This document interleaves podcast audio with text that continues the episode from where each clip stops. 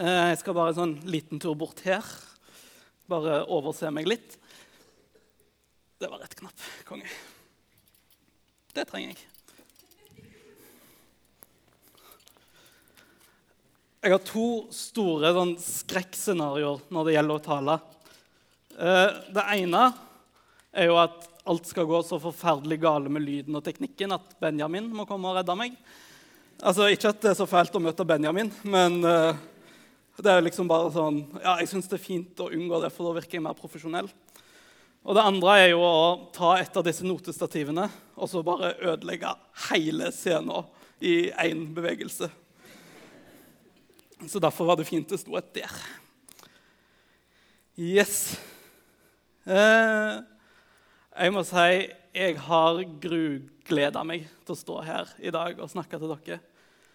Eh, jeg har gleda meg enormt fordi jeg er jo en muffer. Dette er min åndelige heim. Dette er her jeg går for å bygges opp, for å ha fellesskap med andre kristne. Det er her jeg går for å lære om trua vår. Det er her jeg går for å lovsynge og be. Og alt. Og apropos lovsang, så må jeg bare si at jeg er en av de som kanskje ikke er den beste til å få med meg teksten, men jeg elsker musikken. Og når de spiller gitar, sånn som her, Rikard, elsker det. Det er så god form for lovsang. Åh, jeg blir så glad. Og det er bra. Og det har jeg gleda meg til, å stå her, få lov å snakke til dere. Fordi jeg er en av dere, så egentlig snakker jeg til oss. Men det er jo samtidig litt skummelt da, å stå her og på en måte Andre plasser jeg snakker, så kommer jeg gjerne, og så drar jeg igjen rett etterpå. Og så Ja. Det var det, det jeg traff i. Kanskje jeg kommer igjen et år seinere, kanskje aldri. Men dere ser jeg igjen i morgen, kanskje. Så det Ja. Ser fram til det hvis dette går bra. Hvis ikke Yes. Og så må jeg bare ha en sånn liten disclaimer først av alt. Som jeg sa, jeg er fysiker, jeg er ikke teolog. Ehm, jeg hadde tenkt å begynne på Fjellhaug, eh, og så begynte søstera mi på Fjellhaug. Eh, og så tenkte jeg screw it, jeg begynner på Blindern. Ok, Det er ikke helt det som skjedde, men det er en liten faktor. skal jeg være. Eh, egentlig fant jeg ut jeg hadde lyst til å studere fysikk, og nå går jeg noe som heter medisinsk fysikk, som er kjempegøy. Det er CT og strålebehandling og masse sånt. Veldig kult. Men jeg kan nok mer om si, relativitetsteori enn Amos bok. Det er ganske kult å kunne si det. Um, men derfor jeg er ikke noen teolog. Så hvorfor skal jeg da stå her i dag og tale om forbønn? Det er lite fysikk i forbønn. Um, jo, for det første så har jeg vært kristen hele livet. Og gjennom det livet så har bønn vært veldig, veldig sentralt. For det andre så kan jeg jo jeg kan litt Bibel. Jeg har jo lest Bibel, liksom. Tredje jeg tror på en allmektig Gud som kan bruke hvem som helst til hva som helst, for han dyktiggjør den han vil bruke. Og jeg skal være så frekk og freidig og si at jeg tror jeg står her av en grunn i dag. Og jeg tror Gud har lyst til å bruke meg, og jeg tror han har lyst til å bruke meg til å si noe til dere. Og da tror jeg også han har lyst til å utnytte det at jeg er en del av denne menigheten og hører til her. Og Derfor kommer talen i dag til å på en måte være en slags todelt tale. Vi kommer til å, Etter denne innledningen så kommer vi til å gå gjennom dagens tekst. Og så kommer vi til å snakke litt om hva har dette å si i vårt liv. Og dagens tekst den er veldig fin. Han bygger sterkt opp under bønn og forbønn og glede. Og det er det vi skal snakke om videre. Og nå har jeg helt glemt hvorfor jeg begynte på denne tankerekka. Men ja, vi skal snakke om det, ja. Og så går vi over i det, hva det daglige livet er. Og jeg kjenner denne menigheten så godt at jeg gleder meg til å si om alt det gode som står i Bibelen. Og jeg syns dere er fantastisk flotte mennesker. Men samtidig så ser jeg ting i denne menigheten jeg ikke syns er helt bra alltid. Og det skal jeg prøve å si litt ifra om og kanskje gi et lite spark bak. Så bear with me. Det kan gå greit. Det kan være jeg bommer helt. Vi vet mye om folk som bommer på tror de kan noe, og så bommer når det blir valg. eller noe sånt, for. Uh, så vi får se hvordan dette her går. Og så bare én ting til. Eh, jeg vet ikke hvordan det er med dere, men jeg er av og til litt sånn at når jeg hører på talere Oi, stemmeskifte. Det er jo fint. Når jeg hører på talere som iallfall starter med å si jeg har tenkt å si noe jeg syns er litt dumt, så tenker jeg iallfall litt sånn eh, Hvem tror du du er? Jeg hadde til og med tenkt å sammenligne meg med Paulus. Det droppa jeg. Men eh, det blir litt sånn Hvem tror du du er? Og hvis du sitter og føler på det Nå har jeg fått dere til å le, og det er jo et veldig bra retorisk virkemiddel. Men hvis du sitter og føler på det, at du liksom er litt sånn Hvem er du? Og hva, hvorfor snakker du til meg? Så ber jeg deg, vær bedre enn meg. Jeg kan tenke sånn, rett som det. Vær bedre enn meg. Legg det fra deg og ha forventninger. Ikke så mye til meg nødvendigvis, men til Gud. Og til alle sammen nå Nå skal vi gjøre noe med læreren på sånn sjelesorgskurs og sånt, for å være mer mottagelig og være mer i kontakt med sine egne følelser. Da, dette blir gøy. Da, eh, nå vil jeg at alle skal sette seg godt opp i stolen. Så skal dere senke skuldrene, ha armene Jeg hadde tenkt å si på armlenene, men da blir det så mye sånn knuffing. Så ha armene behagelig. Ha føttene godt planta på gulvet, fotbladet ordentlig nærpå. Så lukker vi øynene. Så pust djupt. Dette er litt maktfølelse, altså. Nå skal jeg be dere om å være litt stille.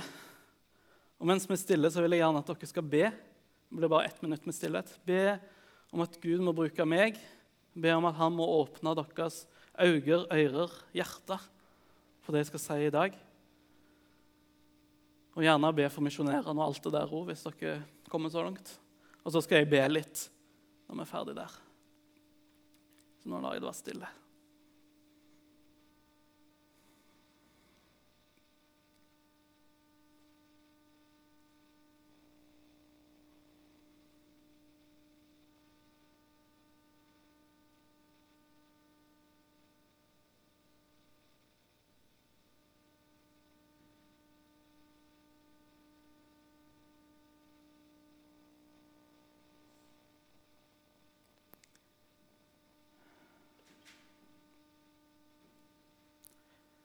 Dear Heavenly Father, I thank you for this day. I thank you for this congregation. I will pray that you are with us tonight. I will pray that you use me to speak your word. I will pray that you open our eyes, our ears, our hearts for your message. Please be with us. Fill us with your love and happiness and joy. And help us to be good people like Jesus. Amen. Jeg tok den på engelsk fordi jeg har ei engelsk venninne her i dag fra studiet mitt. Og så tenkte jeg det er jo litt dumt om hele talen er på norsk. Og så tenkte jeg det går fint å be på engelsk òg. Hallo, Gud kan engelsk. Så da var vi ferdig med innledningen. Og da går vi over til Guds ord, som vi jo er her for. Dette er den viktige delen, hvis folk er i tvil. Kommer det på skjermen, kanskje? Han er på her.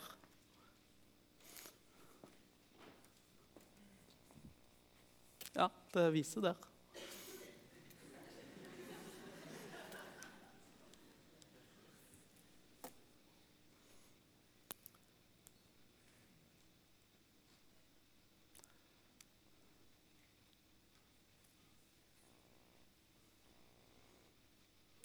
Der er det Ja, flott. Dette er dagens tekst. La oss bare lese den helt til begynnelsen. Gled dere alltid i Herren. Igjen vil jeg si, gled dere. La alle mennesker få merke at dere er vennlige.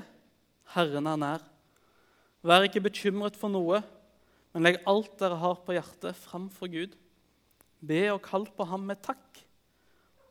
Og Guds fred, som overgår all forstand, skal bevare deres hjerter og tanker i Kristus Jesus.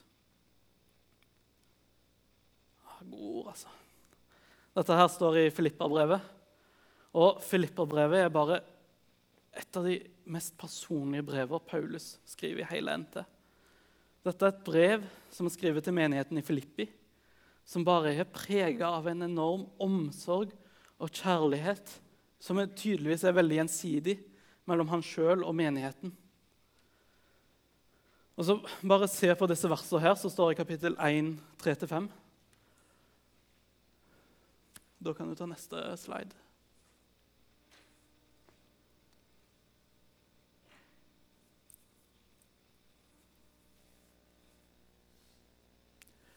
Der sier Paulus.: Jeg takker alltid min Gud når jeg tenker på dere, og alltid i alle mine bønner ber jeg for dere alle med glede.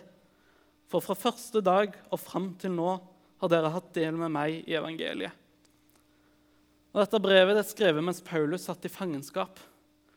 Og det som er så morsomt, eller så kult, er at selv om brevet er skrevet i fangenskap, så er, handler brevet først og fremst om glede brevet har så mye glede i seg. Ordet kommer sånn 15-16 ganger. Det sto to forskjellige ting i to bibelkommentarer.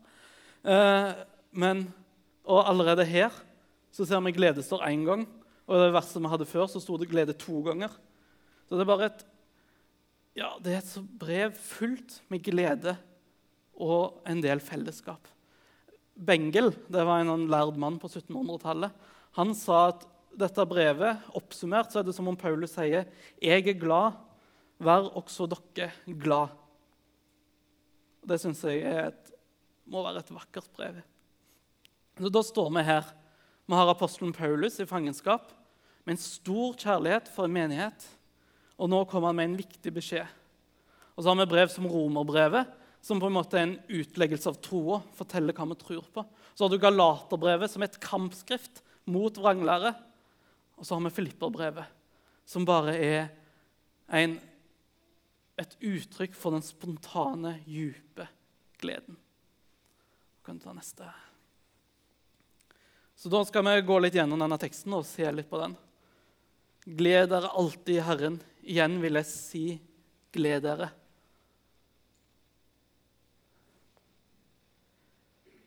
Når jeg leser dette, så er jeg litt sånn Å ja, vær glad. Det er kult. Altså bare, eh, Hvilken glede? Hva, hva, hva, er greia? Uh, og som vanlig så er jo svaret Jesus, da. Men uh, Paulus sier 'gled dere alltid i Herren'. Og så bare må han si det igjen. Igjen vil jeg si 'gled dere'. Denne gleden, det er gleden som kommer når vi som kristne lar det gå opp for oss hva vi faktisk tror på, hva som er sannheten, hva som har skjedd i våre liv. Dette er den gleden som kommer når det går opp for oss at Gud skapte verden og så det var godt.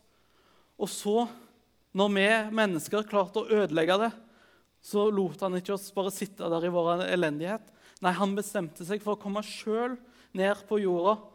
Han kom, levde et flott liv, var offerlam for oss, tok alle våre synder, døde for oss, sto opp igjen lever i dag og skal komme igjen. Og Når den gleden går opp for oss hva Jesus er og hva han har gjort for oss, når det går opp for oss at vi faktisk skal bli frelst Når vi en dag dør, så skal vi ikke havne i helvete. Nei, vi skal komme til himmelen. Når det himmelhåpet går opp for oss, så skal det komme en glede. Og det er dette altså gleden i Herren. Og så sier Paulus 'gled dere alltid i Herren'. Betyr dette her at vi alltid skal være glad? Nei. Paulus er en down to earth guy ganske ofte. Og han vet at mennesker har flere følelser enn glede. Nei, det han sier, er at vi skal glede oss alltid i Herren. Det vil si at uansett hva som foregår i livet vårt, uansett hvor drit vi har det, uansett hva dagen bringer Han her satt sjøl i fengsel og han hadde jo opplevd en del dritt i livet, han. Når vi er langt nede, når alt er vondt, så vet vi iallfall at vi har én plass vi kan finne en glede, og det er i Herren. Og det er det han mener. Alltid gled dere i Herren. Alltid, under alle forhold, så kan dere finne en glede der.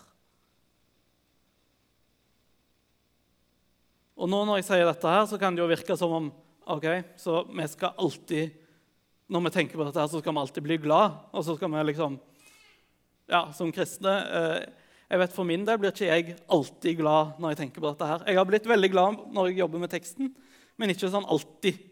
Det kan jeg ikke skryte på meg. Og det er fordi livet av og til er dritt, og av og til er det vanskelig å holde fokus på dette her.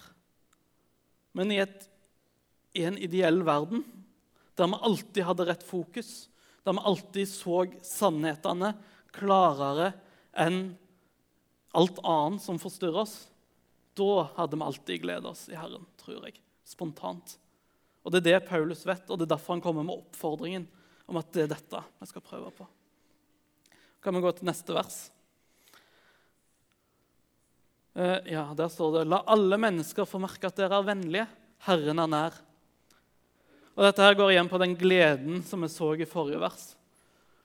Når vi som kristne lar det gå opp for oss, denne store gleden når den får lov å virke i oss og være som den egentlig skal, når det går opp for oss hva som har skjedd, så kan dette her bli en kraft til liv.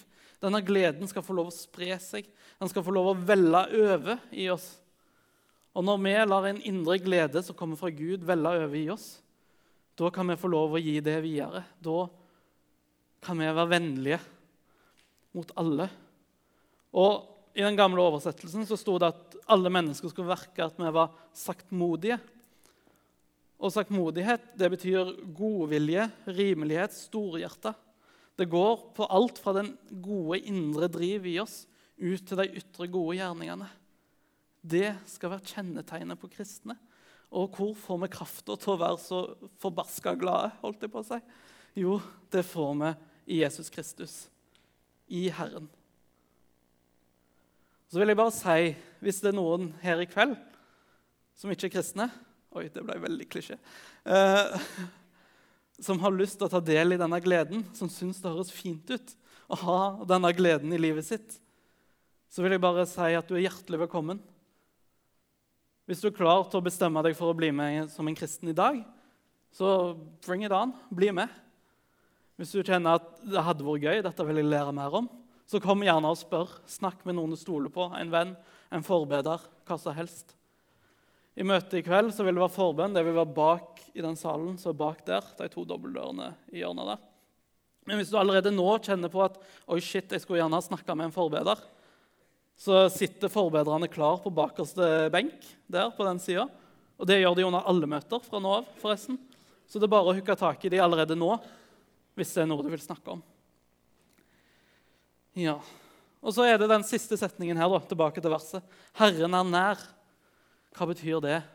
Jo, det kan bety to ting. Enten Herren er litt sånn fysisk nær, med en menighet der to eller tre har samlet deg midt iblant dere. Sånne ting, At Herren er nær fordi vi er en menighet. Eller det som er mest sannsynlig, ifølge den bibelkommentaren jeg leste Jeg, ikke, jeg er ikke teolog igjen. Eh, så sto det at mest sannsynlig så er det at Paulus sier at Herren kommer snart igjen. Eh, jeg vil jo si at Paulus tok litt feil på det punktet i og med at det har gått 2000 år. Fordi jeg er et menneske, og jeg syns 2000 år er lenge. Men det er som en sier på biltur vi er aldri så nærme som vi har vært nå.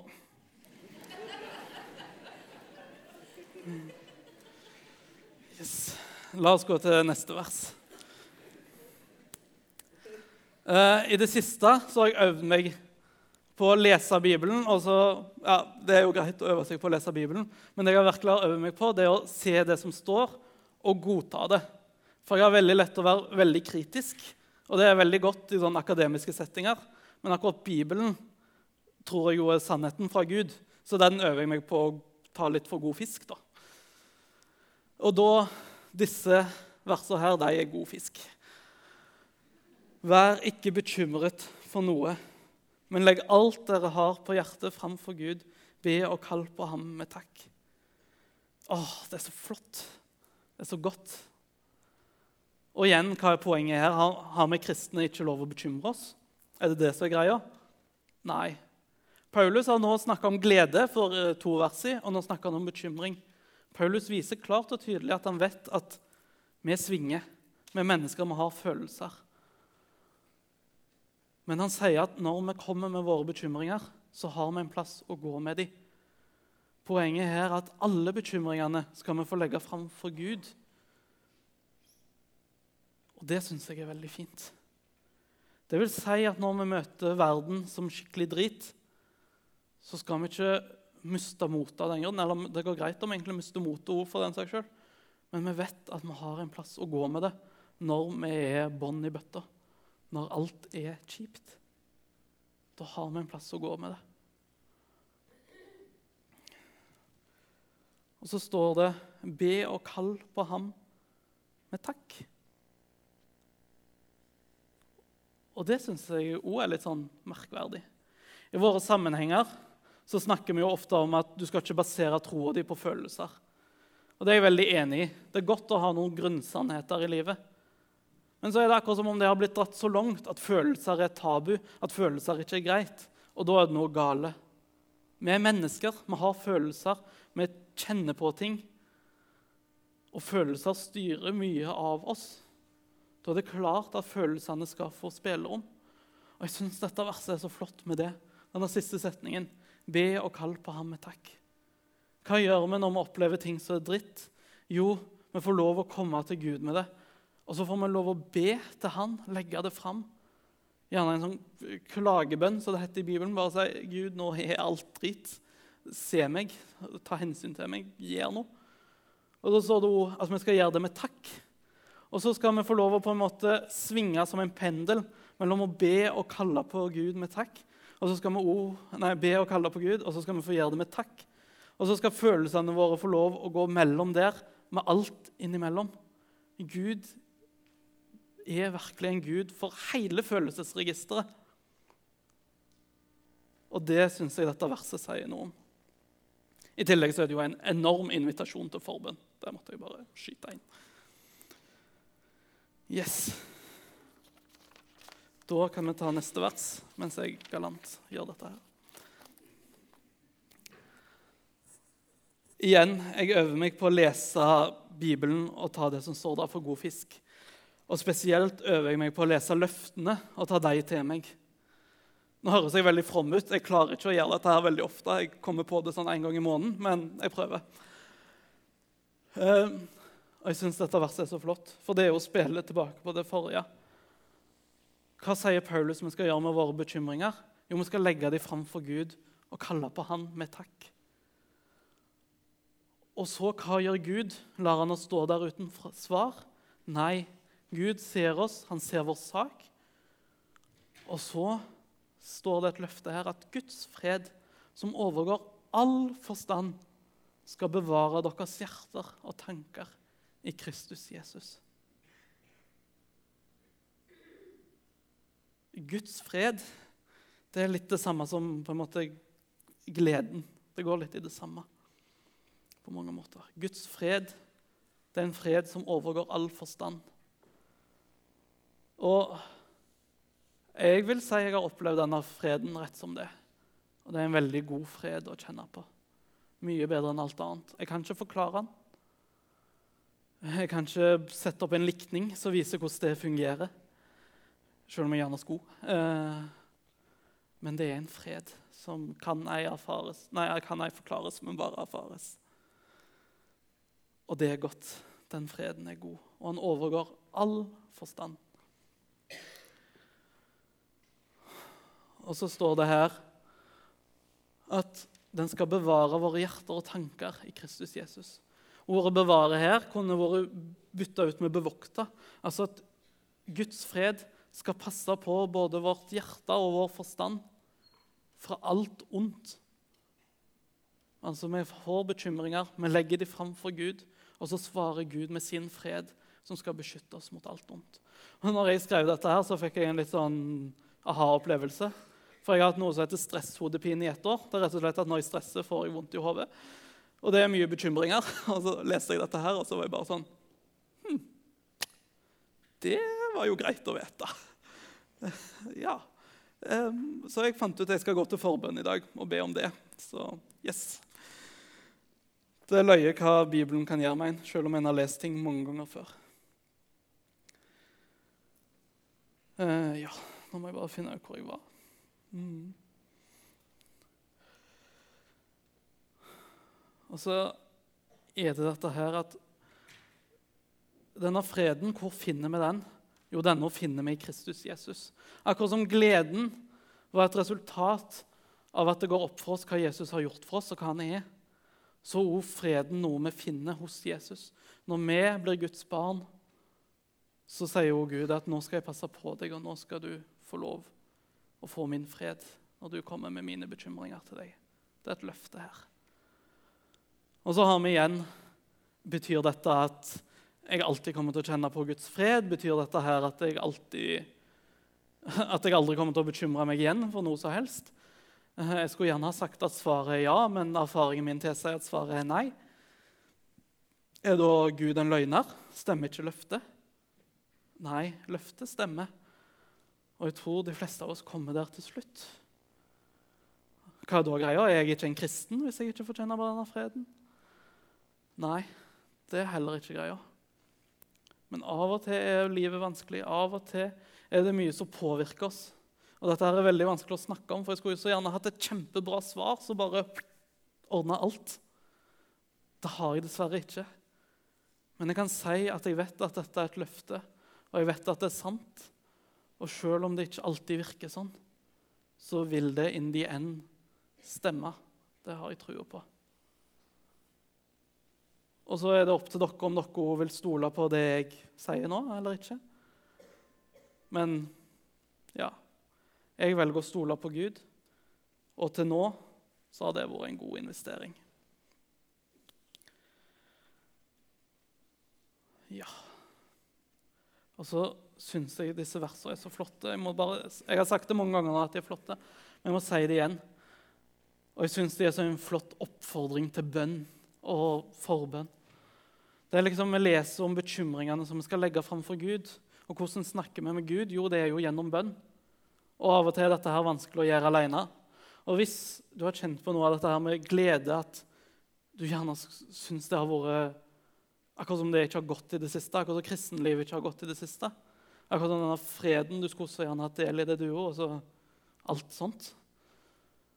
Så vil jeg bare oppfordre deg til å gå til forbønn med det òg. For det er så godt å gå i lag med noen og be over ting når det er litt vanskelig. Det er så godt å få møte noen som kan få lov å hjelpe deg å holde litt fokus på rett plass. Jeg fikk en gang lov å be med ei som hun, hun er teolog. Og så bare sleit hun litt med å be, nei, lese Bibelen og be. Og så fikk vi lov å be i lag. Hun kunne jo alt. Hun kunne alt mye bedre enn meg. Men når vi fikk be over det, det var da det løsna. Og det var da Guds fred kom over det. Tror jeg. Hun sa det ikke akkurat sånn, men hun sa det hjalp. Så det Jeg må jo være ærlig med dere. Så hva er forbønn? Her står jeg litt mer på stødig grunn. Fordi selv om jeg ikke er en teolog, så kan jeg en del om forbønn. Så da er jo første spørsmålet Eirik, hva er definisjonen på forbønn? Den kan jeg ikke. Eh, jeg har ingen god definisjon. Eh, og jeg klarer ikke helt å finne en, eller jeg har ikke funnet en på nettet. og sånt. Men jeg syns jo det er ganske sånn sjølforklarende stort sett. da. Forbønn, bønn for noen eller noe. Og det, det, det er sant. Det er rett og slett sånn det er. I Galaterne 6,2, hvis vi får opp det så står det 'bær byrdene for hverandre' og, på den, nei, bær byrdene for hverandre og oppfyll på den måten Kristi lov. Og i Romerne 12, 15, så står det 'gled dere med de glade og gråt med dem som gråter'. Dette er forbønn. Dette er virkelig forbønn. Og Ønsker du å ha noen å grine med eller være glad med, eller bære, at noen skal bære byrdene dine litt, som ja, som er her i menigheten. Igjen, gå til forbønn. Eller snakk med en venn, eller snakk med sidemannen for den saks skyld. Med en kristen menighet. Sånn skal være helt naturlig. Så det er bare å sette i gang. Så hvordan fungerer organisert forbønn her i misjonssalen nå? For det er jo det jeg inviterer dere til hele tida. Jo, det er ganske enkelt. Med en gjeng på øh, Oi, nå sto det stille. Rundt 20 stykk. Uh, I alderen fra 21 til pensjonist. Jeg har ikke tørt å spørre Synnøve Spanne, vår pensjonist, hvor gammel hun er. Uh, men hun er pensjonist. Og nå, Dette her har jeg forberedt dem på, så de får stålsette seg nå. De som er forbedrer, uansett hva team du er på, uansett om du er reserve eller ikke sånn. Hvis du er her og du er i forbundsgruppa på Facebook, reis deg nå.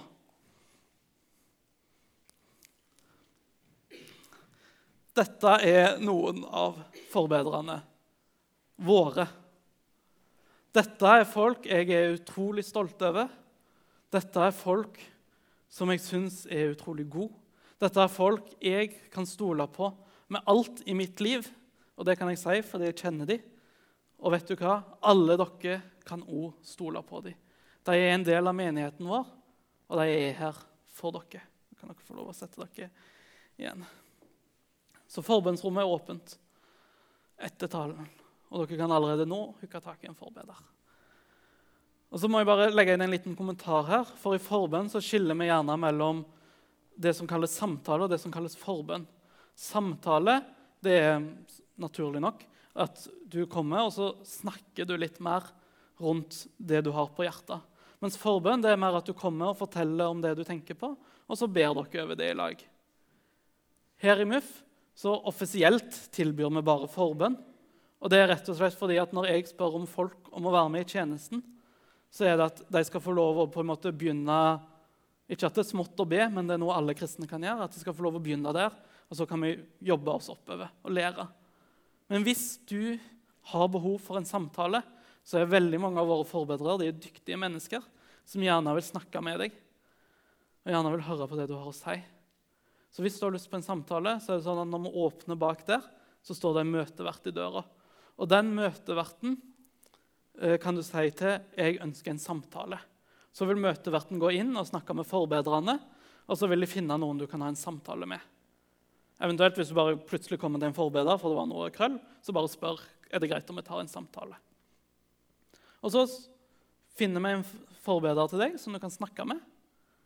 Og hvis du ikke vil snakke med noen av de som er der den dagen, så er det helt greit. Vi blir ikke fornærma av det. Det er så viktig at du er trygg. Men hvis det ikke er noen den dagen, så bare si ifra om det. Så får jeg eller Jan Magnus eller du vel vite om det, og så fikser vi noen for deg som du kan snakke med. Da kan det være du må vente litt, eller vente en dag eller to, men det ordner vi. Og nå vil jeg også slå et slag for medvandring.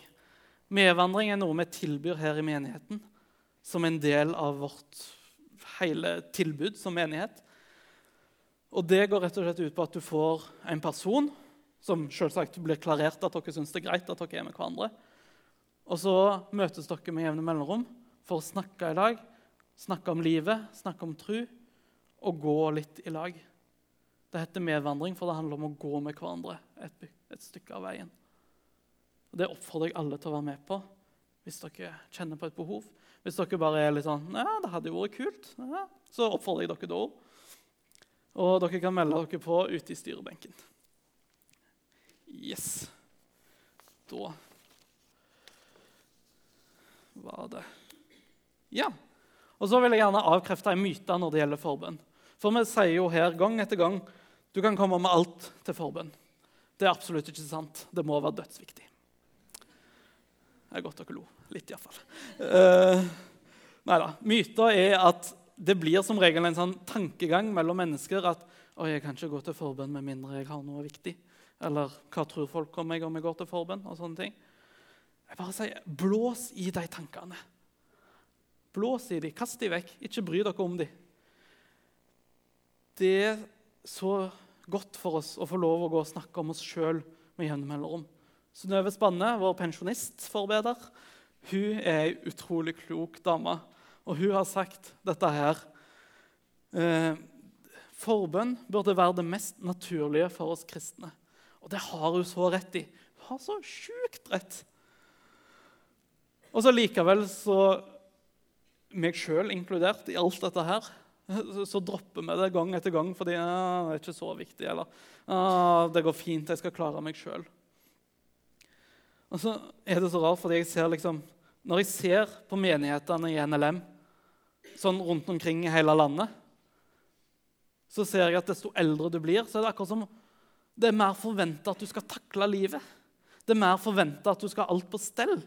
Og så blir det sånn at vi tenker ja, altså bønn er jo en veldig bra greie, men hallo, jeg kan ikke gå og snakke om at jeg har det vondt eller at jeg sliter med noe, fordi, fordi jeg skal jo takle livet.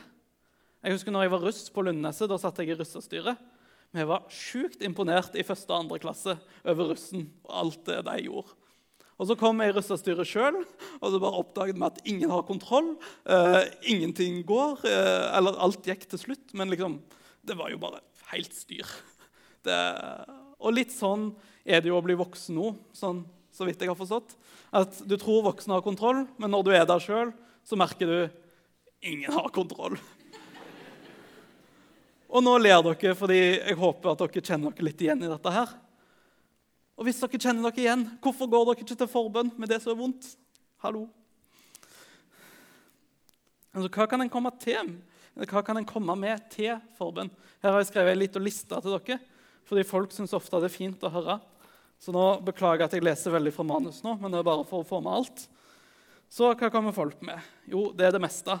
Jeg har bedt med folk som bare er takknemlige som bare vil bli bedt for, som bare vil teste det ut. Det er helt greit, det jo. Som er bekymra for fremtida, som er bekymra for kjærligheten, enten at de ikke har noen, eller de har noen og vet ikke hva de skal gjøre, eller at de har hatt noen veldig lenge. og nå, ja, masse sånne ting. Folk som er bekymra for Guds plan i deres liv. Folk som sliter med å be, folk som sliter med å tro. Folk som ikke vet om de vil være kristne mer, folk som ikke vet om de vil bli kristne. Folk som ikke ja, nå kommer jeg helt ut av lista. Folk som er usikre, rett og slett generelt usikre på livet. Folk som er syke, folk som er skada, folk som er bekymra for noen rundt seg, folk som er lei seg, folk som er slitne, folk som er suicidale, eller som rett og slett bare har en liten psykisk forkjølelse. Det er mitt favorittuttrykk, forresten. Hvis jeg blir en sjef noen gang, så skal psykisk forkjølelse være greit å slippe unna jobb med.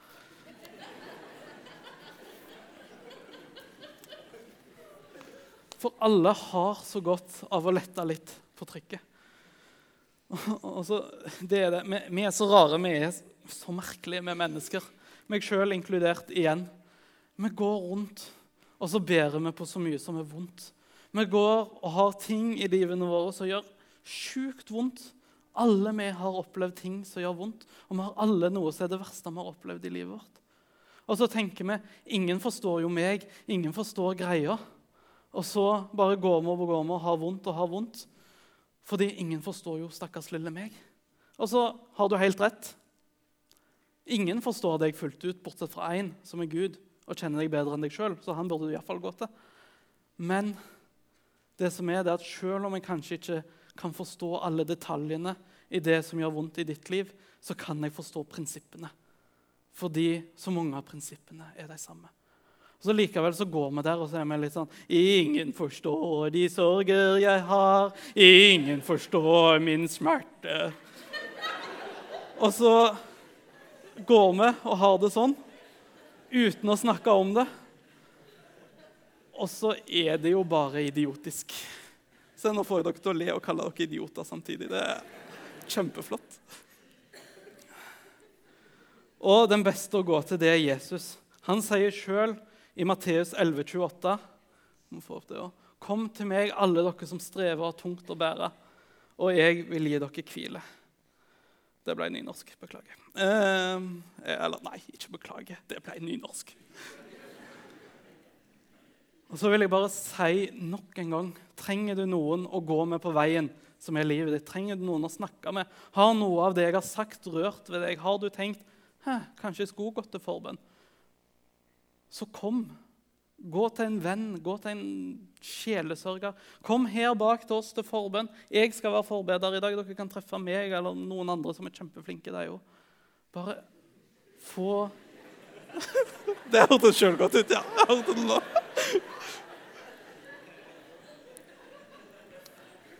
Men ja, kom til forbønn med det. Og Gud dyktiggjør den han kaller, så hallo. Og så La oss kombinere disse versene. La oss være en menighet der vi bærer byrdene for hverandre. Der vi gleder oss med de som er glade, der vi gråter med de som, gråter, øh, med de som griner. Og la oss sammen da komme til Jesus med alt vi strever med og syns er tungt å bære. Og så har Gud lova å gi oss hvile. Og dette her er jo bare en stor gjenklang med Filipperbrevet, som vi leste tidligere. Og så vil Guds fred komme til oss. Det er så godt. Og hvorfor skulle vi ikke? Vi har en allmektig Gud, folkens. En allmektig Gud. Denne guden har sagt 'be, så skal du få'. Denne guden er så stor at han tar bolig i oss.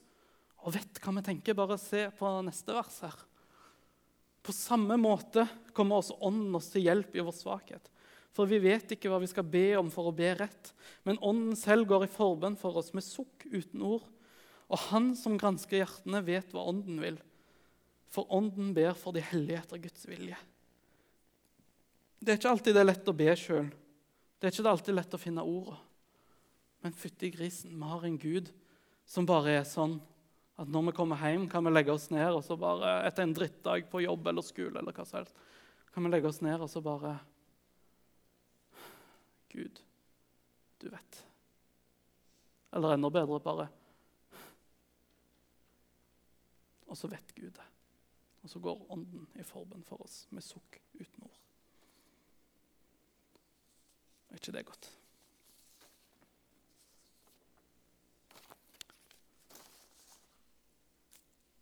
Så må dere misforstå meg rett her når jeg snakker. Nå snakker jeg veldig mye om forbønn, men bønn er like viktig. Og bønn for seg sjøl er kjempeviktig. Og jeg oppfordrer til det på det sterkeste. Og det gjør også Jesus i Matteusevangeliet. Så ja, hvis dere ikke tror på meg, tro på han, sier jeg bare. Og så er det sånn her at vi er et kristen fellesskap her i MUF. Og dette kristne fellesskapet skal være prega av Guds kjærlighet. Det skal være prega av at vi er glad i hverandre. Det skal være prega av at vi er trygge på hverandre. Og nå begynner sparket bak. Fordi jeg ser så utrolig mye godt i denne menigheten. Fortsett med det. Det er kjempebra med alt det gode. Men så ser jeg gode ting som av og til er litt dumt. Jeg ser folk som kommer her for første gang og føler seg utfryst. Eller egentlig ser jeg det ikke, jeg bare vet om dem, for jeg har hørt om dem. Hadde jeg sett dem, så håper jeg jeg hadde gjort noe med det. Jeg ser folk som kommer her og er redd for hva de skal gå kledd i. Jeg ser folk som kommer her og kjenner på en fremmedfrykt fordi alle andre har jo livet på stell. Jeg ser folk som kommer her og ikke føler seg gode nok, ikke føler seg bra. Det er dumt. Og vil vi virkelig at MUF skal være en sånn menighet? Vil vi virkelig at det skal være det som skal prege oss? Det vil ikke jeg, iallfall. Jeg ser fremmedfrykt, mye av det. Altså Til og med en fremmedfrykt som er så sterk at vi ikke tør å be i lag. Som bare sånn randomly i benkeradene, f.eks. Eller gå til forbønn. Fordi tenk hva andre tror om meg da. Og Det er jo så tåpelig når han sier det høyt. Men så har jeg sjøl sittet her mange ganger, og dette gjelder like mye meg. Det er derfor jeg føler jeg kan si det. Og så har jeg kjent på den frykten, og da er han veldig reell. Men hvorfor har vi det sånn? Det syns jeg er litt rart. Så la oss endre på det. La oss ikke være sånn. La oss elske hverandre som det står i Bibelen. Bare se her på neste vers. La kjærligheten være oppriktig. Avsky det onde. Hold dere til det gode. Elsk hverandre inderlig som søsken. Sett de andre høyere enn dere selv. La oss være en menighet der vi kommer sammen for å høre Guds ord. Der vi kommer sammen for å be i lag, der vi kommer sammen for å lovsynge i lag. Og der vi kommer sammen for å gjøre alle de tre tingene samtidig. Der vi har fellesskap som er prega av kjærlighet for hverandre. Der vi i frykt for å bli klisjen, bare blir en stor klump med glede i Herren og kjærlighet. La oss være en sånn menighet. La oss ikke baktale, la oss ikke dømme andre for hvordan de går kledd. Jeg tok på meg denne fordi jeg liker den veldig godt, og jeg fikk den av kona mi. Eh, og bare la oss kappes om å hedre hverandre, og la oss elske hverandre som Gud vil. Og når vi lar bønn og elskelighet og sånne ting få spillerom iblant oss. Da vil vi vokse, og vi vil bli en god menighet. Og hvis du er enig med meg, hvis du syns dette her er en god menighet, men han kunne vært bedre Hvis du er enig med meg at det hadde vært så bra med mer kjærlighet i denne menigheten, så har jeg en oppfordring til dere i kveld, og nå kommer virkelig sparket i sparket bak. Jeg har en utfordring til dere. Og når folk kommer med en utfordring fra scenen, så tenker jeg alltid ja, jeg får se hva denne utfordringen er, da, så får jeg se om jeg blir med på den. Og så blir jeg aldri med på den, fordi det er jo sjukt kleint. Bestem deg nå. Har du lyst at denne menigheten skal være mer prega av Guds kjærlighet? Har du lyst at dette skal være en plass der vi kan komme sammen uten fremmedfrykt? Der vi kan komme sammen som svake mennesker, der vi kan komme sammen som sterke mennesker, der vi kan hjelpe hverandre? Bestem deg nå om du har lyst til å bli med på utfordringen, for han er ikke så veldig skummel, egentlig. Yes, da har dere bestemt dere. Nå etterpå er det nattverd. Når nattverden begynner, så vil musikerne først få eh, gitt sånn brød og vin og sånne ting. Mm -hmm. Det var en fin måte å si det på. Og så vil etter hvert så vil alle sammen av dere gå opp her, og så vil dere ta del i nattverden. Når dere så kommer ned igjen og setter dere, så har dere som regel litt tid. Jeg vil at dere skal bruke den tida i dag på å snakke med sidemannen og spørre Hei, hva heter du? Eller tilsvarende. Hvis du kjenner ham fra før, så er jo ikke det naturlig å si. Og Så sier du hva vil du at jeg skal be for for deg i dag. Og så velger dere akkurat sjøl hvor mye dere vil dele. Det er helt greit. Så når noen har sagt hva de vil at du skal be for, så gjenta det han har sagt, sånn at du skjønner at eh, Hvis han sier liksom, å, jeg er sliten, så sier du ikke ja, da skal vi be om at skolen går bra. Nei, da ber vi om at han er sliten, at han må få styrke. Hvis det var det han ville. da. Hvis han bare vil være sliten, så er jo det en annen sak. Ser du? Du må gjenta det som blir sagt. Og så etterpå er det den andre sin tur, og så spør han deg. Og her vil jeg bare si hvis du ikke føler deg komfortabel med å be høyt, øh, men hvis du er en kristen, så vil jeg oppfordre deg til å prøve. Men hvis du ikke vil, eller hvis du ikke er kristen, f.eks., eller hvis Ja, så er det greit. Da skal det være greit å si nei. Det skal vi òg ha plass for og kjærlighet for. Men hvis, hvis det bare er fremmedfrykten som stopper deg, så vil jeg utfordre deg i dag. Sånn, og så vil jeg utfordre deg til å prøve igjen seinere. Og la dette her bli en plass, sånn at når vi lovsynger i framtida, så blir det like naturlig å sitte og be som å stå og synge. Nei, glem det. Det skal bli mer naturlig enn å stå og synge, for det er ikke alltid så veldig naturlig. Det er en tale for en annen dag. Men la alt det bli naturlig. La oss med fremmedfrykten. Og la oss elske hverandre. Så vil jeg bare avslutningsvis Nå har jeg talt sjukt over tida. Beklager. Uh, avslutningsvis så vil jeg bare si at alle har en psykisk helse. Den må vi ta hensyn til. Ta hensyn til de. Gjør det med å finne noen å snakke med regelmessig, som du stoler på. For det er sånn at i livet vårt så bygger vi på med det som gjør vondt, og så bygger vi på mer og mer og mer. Og så Enten så blir vi bare helt følelsesløse, eller så kommer alt ut på en gang. eller et eller annet sånt. Hvis vi bare kan liksom få utløp når det er der, og så la det gå sånn istedenfor å vente til det er der, så tror jeg vi vil få det bedre. Og hvor burde ikke det være en bedre plass å gjøre enn her blant dine kristne søsken? Så må dere huske på at midt oppi alt, midt i livet, midt i alt som skjer, uansett hva du står i, hva tjeneste, uansett om du er sterk eller svak, så er du Guds barn. Du er elska. Han hører deg, han kjenner deg, han bryr seg om deg. Og han vil deg godt. Og det er så fint å få lov å hvile i. Og med det så vil jeg at vi nå skal bare avslutte med å lese de, siste, Filipper-versene en gang til og bare se på dem, nå med nye øyne. Gled dere alltid i Herren. Igjen vil jeg si, gled dere. La alle mennesker få merke at dere er vennlige. Herren er nær. Vær ikke bekymret for noe, men legg alt dere har på hjertet, fremfor Gud. Be og kall på ham med takk. Og Guds fred, som overgår all forstand, skal bevare deres hjerter og tanker i Kristus Jesus. Takk for at jeg fikk tale så lenge. Jeg hadde mye på hjertet.